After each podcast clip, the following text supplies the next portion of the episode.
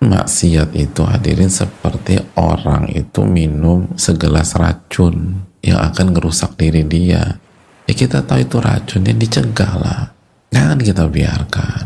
Dan ini salah satu bukti ketulusan kita sayang sama orang lain.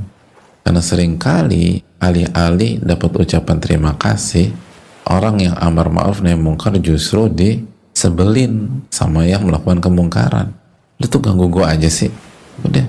Urusan lo urusan lo urusan gue urusan gue nah bisa nggak kita tetap menginginkan kebaikan untuk saudara kita di saat dia sebel sama kita?